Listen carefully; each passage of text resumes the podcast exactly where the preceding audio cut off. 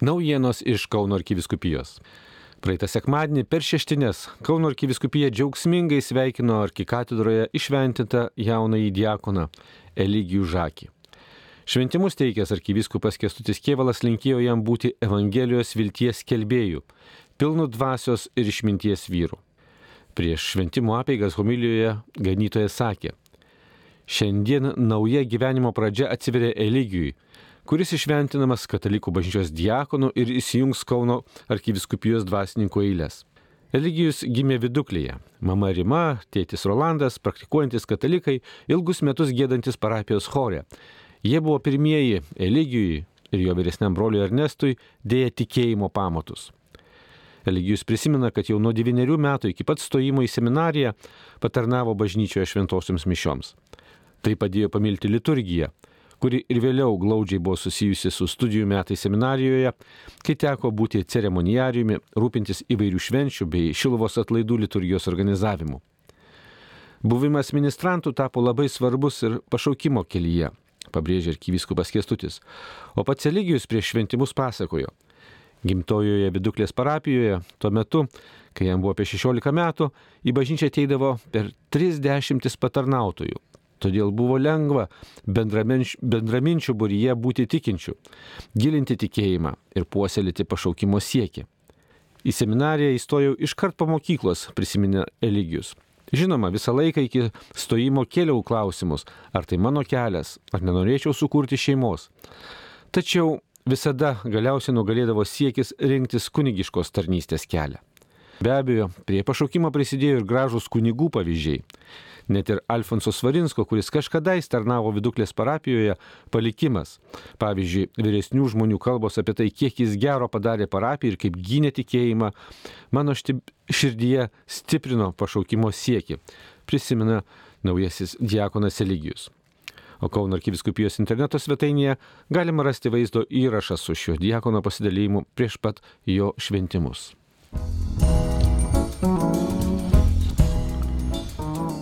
Norime stiprinti jūsų tikėjimą, teisingą gyvenimo tikslą.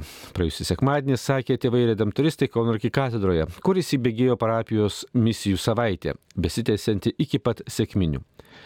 Į misijas atvyko kunigai svečiai iš redemptoristų kongregacijos Slovakijoje bei daugiau kaip dešimties pasauliečių grupė iš bendruomenės gyvenimo upė. Su jos vadovu Bohušu Živčiaku. Jos šlovintojai drebina šią šventovę ir žmonių širdis, kurias paliečia ir kunigų pamokslai, ir pasauliečių liudijimai. Į misijų katechezės atskirai buvo kviečiamos moteris bei vyrai, o kunigai būdi pokalbėms, išpažintims, kurių pasiruošę klausytis ne tik lietuvių, bet ir anglų, italų, rusų, lenkų kalbomis. Šiandien arkikatedroje misijų programa vakarė skiriama šeimoms ir jaunimui.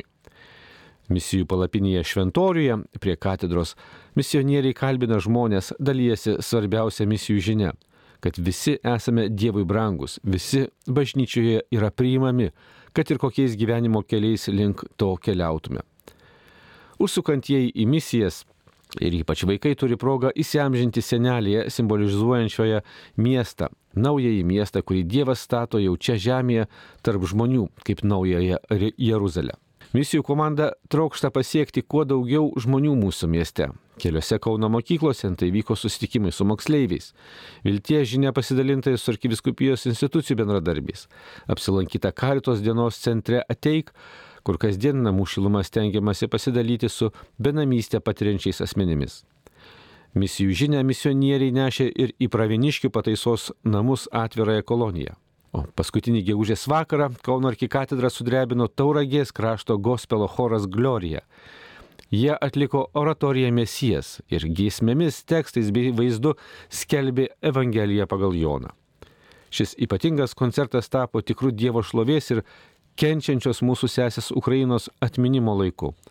Mat koncerto dalyviai turėjo galimybę paremti Ukrainą, o parama skiriama parapijoms labiausiai besirūpinančiams atvykusių ukrainiečių šeimomis.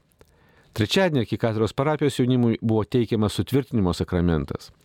Per šį sutvirtinimą jaunų žmonių asmeninės sėkminės šventovė šio palaimingų misijų laiku dar gyviau sualsavo artėjančių sėkminių laukimu. Na, o sėkminių sekmadienį Kauno arkikatedros šventorijoje bus šventinamas kryžius misijų savaitėje atminti.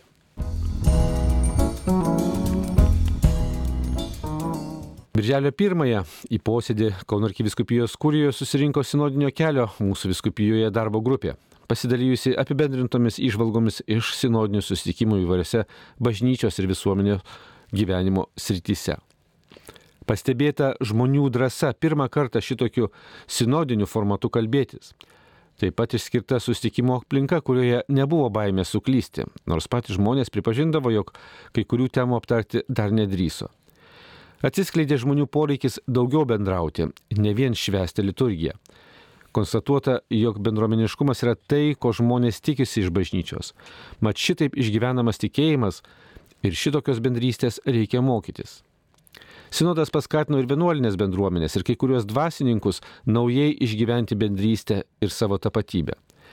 Sinodiniai sustikimai leido konkrečiai patirti, kaip bažnyčios bendruomenėje veikia šventoji dvasia. Kauno arkiviskupijos bendruomenės jau svarsto, kaip tęsti sinodinių pokalbių patirtį. Arkiviskupo Kestučio Kievalo mintimi, sinodiniai sustikimai, kalbantis su žmonėmis labai asmeniškai ir paprastai, yra puikia ir bendrystės mokykla ir būdas skelbti gerąją naujieną. Birželio 15-ąją rengiamas Kauno arkiviskupijos visų sinodinių grupių moderatorių sustikimas. O birželio 29-ąją taip pat Kaune numatyta sinodinio kelio Lietuvoje diecezinio etapo baigiamoji šventė.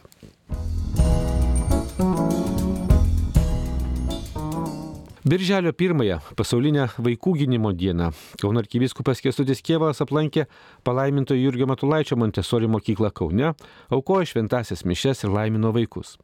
Per homiliją tikrą draugišką pokalbį su vaikais Šie atsiliepė į arkivyskupo pasakojimą apie kankinį Justiną, gyvenusi ir mirusi dėl Kristaus prieš beveik 19 amžių, ir apie šių dienų vaikų realybę, jų mokslo metus ir artėjančias atostogas.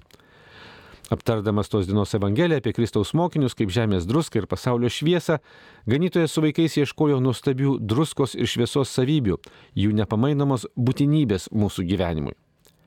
Po maldos arkivyskupas neskubėjo išvykti ir aplankė visas klases, ten bendravo su vaikais, atsakė į jų klausimus ir pats jų klausinėjo, o galiausiai visus laimino.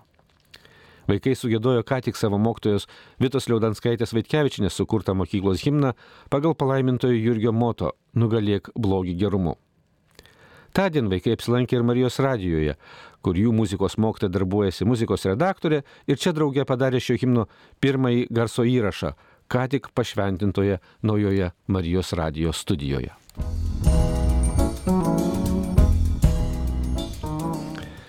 Artėja sėkminių savaitgalis. Tai šventosios dvasios atsiuntimo iškilmė, o sikiu ir bažnyčios gimtadienis. Jono Pauliaus antrojo piligrimų bendruomenė kviečia draugė sutikti sėkmines, keliaujant gyvosios piligrimystės maršrutu Šiaulės kalnas Šiluva apie 20 km. Šį šeštadienį žygyje lydės kunigas Kestutis Genys, šlovinimą ves Jono Pauliaus piligrimų bendruomenė, užtarimo maldamelsis Silovados bendruomenė gailestingumo versmė. Be to, šį savaitgalį vyks ir žymieji sėkminių atlaidai vepriuose, kur tradiciškai šią progą einamos veprių kalvarijos. Šeštadienį 10 val. mišes aukos ir po to tradicinį Veprių kalvarijų žygį eis ir Kauno arkivyskupas, po to vyks mišios ir 12 val. ir kaip įprasta sekmadienį 8, 10 ir 12 val. Vepriuose bus švenčiamos sėkminės. Daugiau informacijos Kauno arkiviskupijos interneto svetainėje ir socialinio tinklo Facebook paskyroje. Marijos Radio iš Kauno Darius Chmeliauskas.